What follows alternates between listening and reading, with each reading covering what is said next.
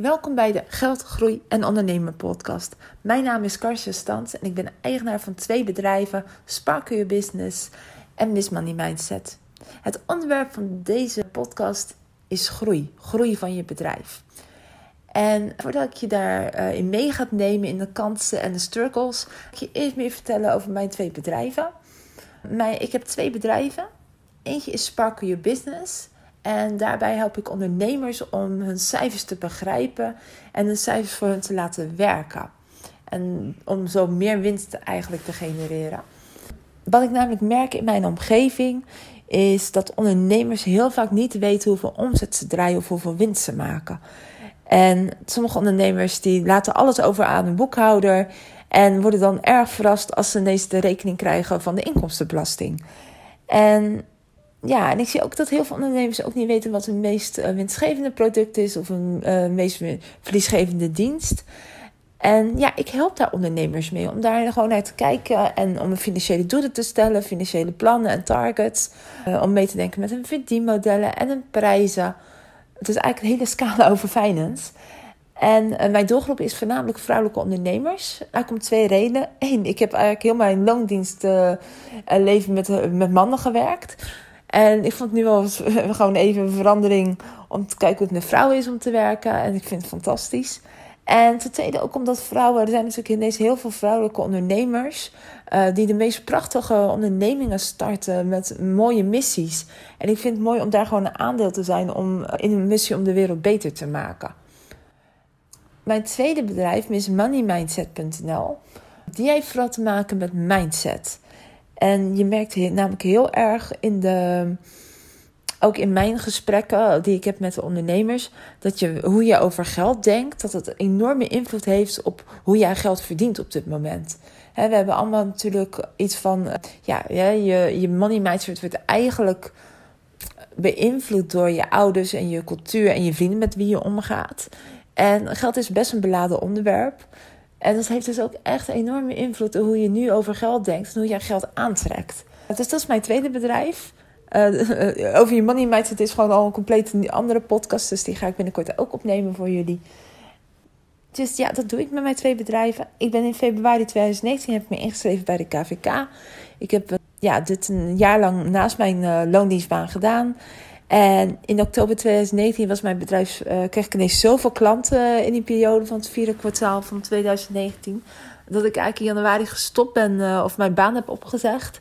In februari uh, eh, 2020 ben ik fulltime ondernemer. En ik heb zelf gelukkig geen last gehad van de coronacrisis. ja, mijn klanten blijven gewoon doorlopen. Ik heb een verdienmodel waar dat misschien ook niet zo snel gebeurt. Ja, mijn bedrijf blijft groeien. En ik heb dus zelf ook mijn struggles uh, gehad met groei. En ik zit er denk ik nog steeds in. Ik denk dat elke ondernemer constant struggelt met groei. Ik wil je vandaag gewoon in meenemen in welke vier punten van groei waar je over na kan denken. Ja, ik ga je daarin meenemen. En die vier punten zijn natuurlijk niet de enige vier dingen waar je over na kan denken. Er zijn natuurlijk misschien wel oneindig veel dingen. Maar ja, ik uh, baseer me op deze vier punten. En we gaan het eerst hebben over punt 1. En dat is ja, het personeel aannemen. En ik denk dat er heel veel mensen mee strukkelen. Ik heb ook heel veel uh, gesprekken gehad met ondernemers die iets verder zijn in het ondernemerspad dan mij. Die inderdaad al personeel hebben. Wat ik vooral heb gemerkt, uh, ja, er zijn denk ik twee dingen uh, met personeel. Eén, wie neem je aan? En twee, wanneer neem je aan? En op de laatste vraag vooral al in te zoomen, wanneer? Want ik inderdaad, met al die ondernemers die ik heb gesproken, die verder, verder zijn in het ondernemerspad dan ik, merkte ik Eigenlijk vertelden ze allebei allemaal van... Ja, ik ben eigenlijk te laat begonnen met personeel inschakelen. Eigenlijk zat ik al in mijn, op mijn oren in het werk. En toen dacht ik pas van... Hé, hey, ik moet iemand gaan inschakelen. En uh, eigenlijk moet je dat kunnen voorkomen. Maar ja, wanneer is dan dat juiste moment? Je hebt altijd een moment waar je denkt van... Hé, hey, ja, eigenlijk moet ik misschien wel iemand aannemen, maar kan ik dat wel betalen en hoe loopt dan mijn kosten? Geval, dat is in ieder geval waar ik nu heel erg mee struggle. Ik kom al bijna op het punt waar ik denk van ja, ik kan misschien niet over twee maanden kan ik misschien niet allemaal klanten meer aannemen. Hoe moet dat dan? En uh, ja, eigenlijk heb ik wel hulp bij nodig. Dus nou, ik heb daar een aantal dingen voor wat bij mij heel erg heeft geholpen daarin. Ik heb eerst bedacht van hoe ziet mijn bedrijf er over twee jaar uit? En dat uitgetekend. En in wat doe ik dan? Welke diensten verleen ik?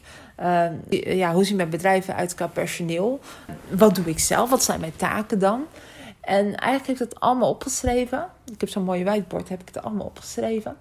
En dan vooral denken van ja, over twee jaar inderdaad, wat is mijn takenpakket dan? Ben ik nog steeds met mijn agenda bezig? Ben ik nog steeds mijn mail aan het beantwoorden? Doe ik alle coaching zelf of heb ik iemand anders ernaast?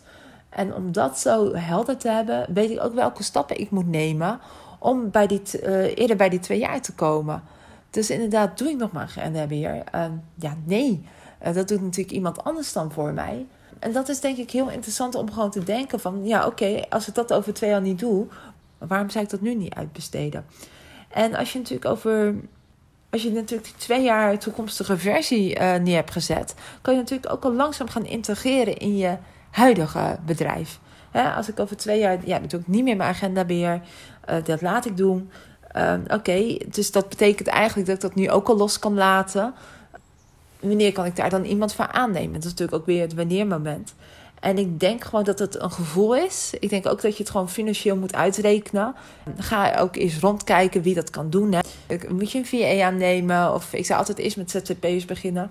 Omdat je die natuurlijk, dat je daar de ruimte hebt ook om weer mensen afscheid te kunnen nemen. Op een gegeven moment komt er natuurlijk ook een periode waar je misschien wel echt mensen in dienst wil nemen. Ja, wanneer is daar het juiste moment voor?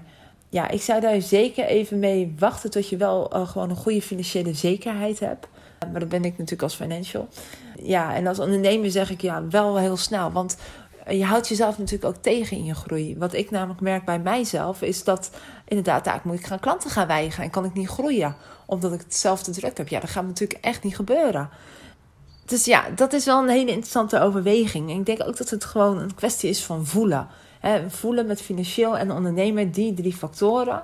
Uh, dat dat wel een hele mooie basis is op een gegeven moment iemand uh, aan te nemen. En uh, wat ik ook met mijn klanten doe, is natuurlijk dat ik altijd wel een financiële berekening maak erbij.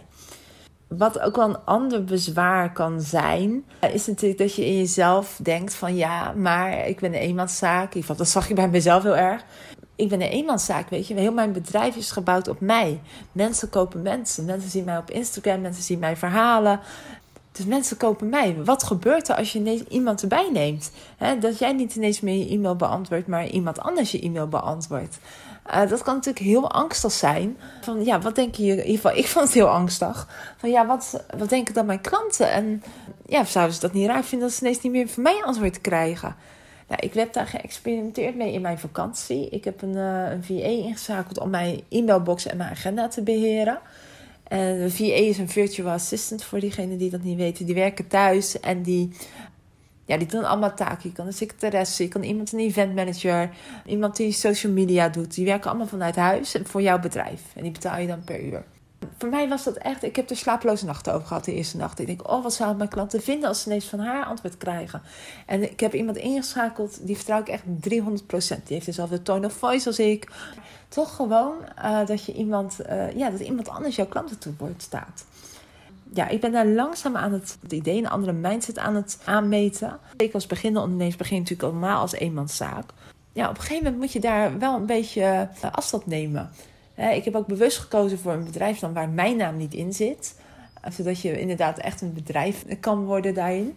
Dat mensen niet alleen al naar jou kijken. Maar gewoon, het is denk ik ook gewoon doen. En wat ja, en behalve je bestaande klanten, je hebt natuurlijk ook nieuwe klanten. En als jij weer natuurlijk al gewoon zo je bedrijf hebt ingericht, anders je e-mailbox beheert of iemand anders je agenda beheert, dat is natuurlijk, nieuwe klanten weten niet beter. Uh, waar ik nu ook heel erg mee bezig ben, is in welke taken wil ik doen en welke taken laat ik doen. En dan kom ik nog terug even op uh, vraag 1, wie. Ja, dat is natuurlijk ook heel belangrijk. Wie ga je aannemen? Ik, doe, ik zit natuurlijk ook in een vak wat best wel heel specialistisch is. Dat betekent dus als iemand mijn e-mail wil gaan beantwoorden, dat hij wel een beetje een basis van financiële kennis wil hebben. Of als ik inderdaad uh, juist meer wil groeien op social media of meer in Facebook ads, uh, dan heb ik iemand nodig die mijn social content doet, maar wel een linkje met finance hebt. Anders snap je het niet. Of in ieder geval een haakje met wie ik ben. Ja, ik ben hartstikke vol met energie en ik behandel mijn klanten met persoonlijke touch, hè, met een, een bepaalde tone of voice in zit. En als dat niet klikt met iemand, goed om voor jezelf goed in te op te schrijven, ja, wie zoek ik, met welke kenmerken heb ik dan? Wat mij trouwens nog een levensles daarin is geweest de afgelopen tijd.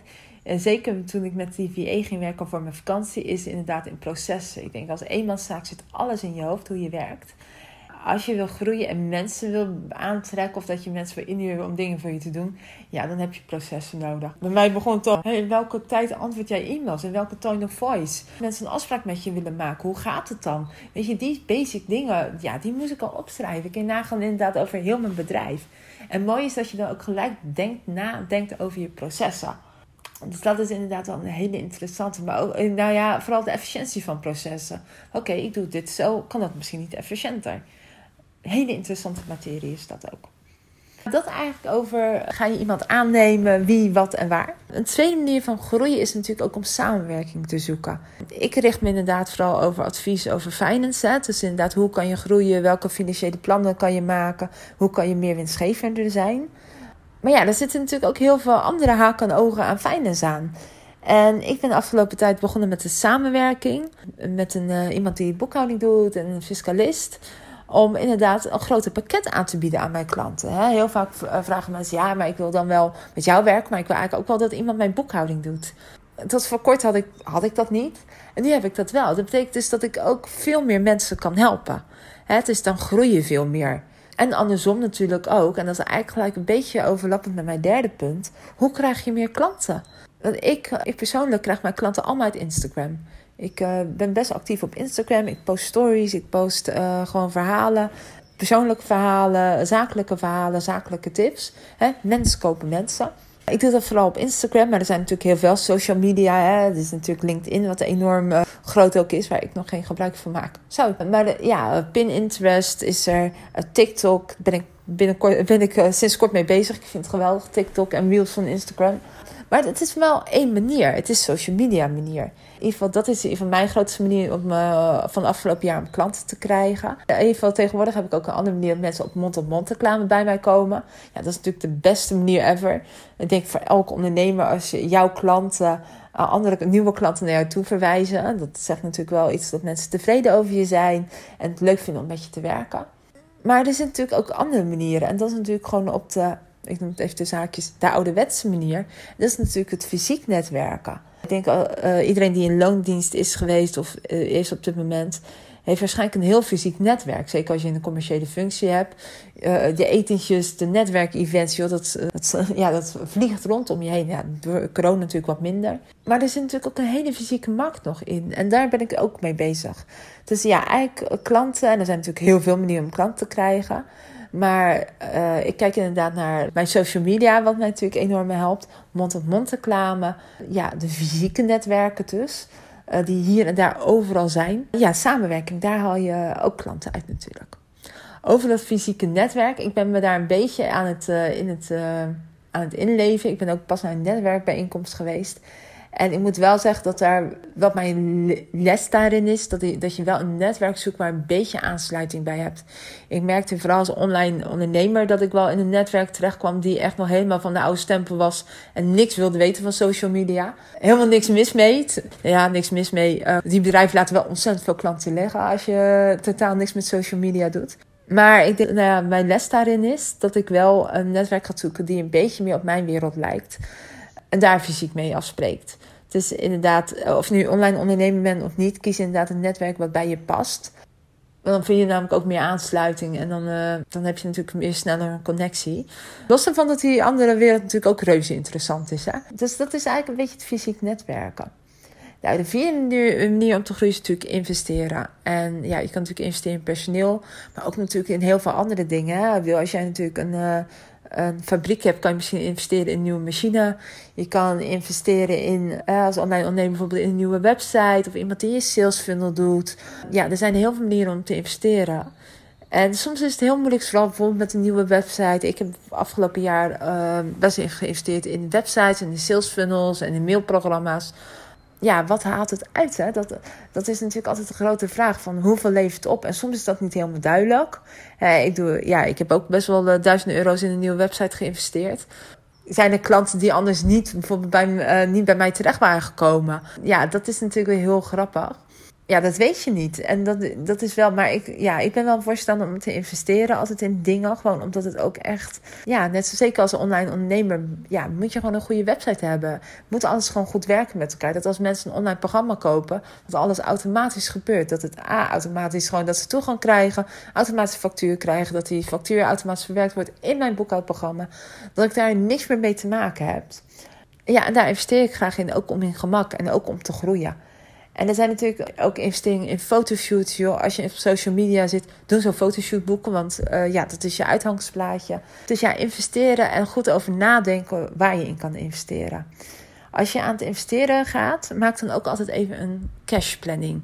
waar, hoe komt geld binnen? Wanneer gaat er geld uit? Zodat je ook zeker weet dat je het kan betalen. Trouwens, een goede investering is natuurlijk uh, persoonlijke investering, hè, een coaching.